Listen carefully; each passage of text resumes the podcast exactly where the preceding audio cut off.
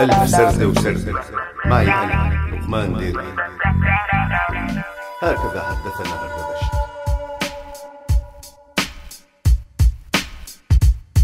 تانتان. بينما كنا في العيد نتمشى في حلب عثرنا على مجلدات مجلة تانتان فقفزت من فرحي. ذلك أنني كنت أبحث عنها طيلة عشرة أعوام دون جدوى. فذات ليلة كنا جالسين أنا وصديقي الحالم بأن يصبح بطل سباق سيارات نتسامر. شفتوا لي شو حلوة نتسامر بتحس حالك قاعد بكتاب القراءة. نتجادل أحلى. نتشاجر يمكن أكثر واقعية. نتبادل كل إلغاء الآخر. نقتل الحوار بالحوار. قال نتسامر. قال.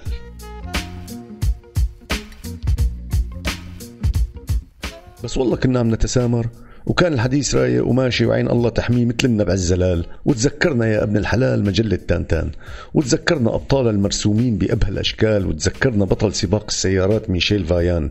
وهو البطل اللي شجع صديقي ليحلم أنه يمارس هواية سباق السيارات. حتى صار بطلا بالأحلام وهو لا يمارس بطولاته إلا علي فمحسوبكم باعتبار بيموت من الرعبة من ركبة السيارات. أخونا بالله بيطالع كل شوفرته لما بكون قاعد جنبه.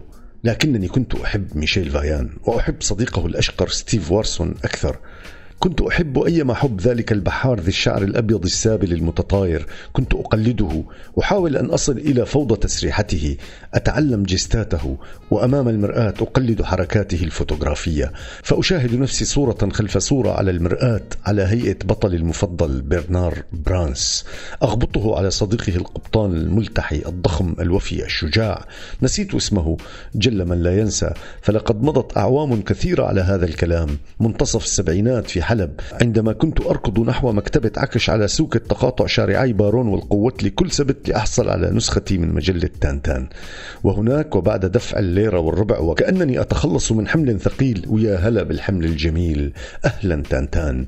أهلا مجلتي المفضلة. أهلا بالأبطال. أهلا بالكوميديا. أهلا بالتراجيديا. أهلا بعوالم الإغريق اليونان. أهلا بالفايكنج أهلا بالأسكيمو والهنود الحمر والكاوبوي وسكان الكهوف وسكان الجبال. وأهلا بالتيبت واليابان تلك كانت تانتان.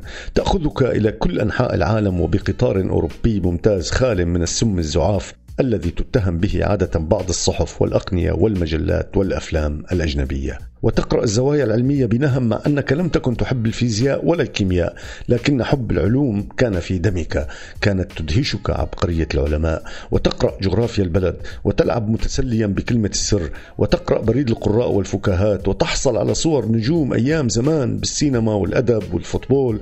تقرأ عن أينشتاين وأديسون وبلزاك وهامنغوي تتعرف على الأدب والأدباء تخرج منها وفي قلبك طاقة وفي رأسك استفهام.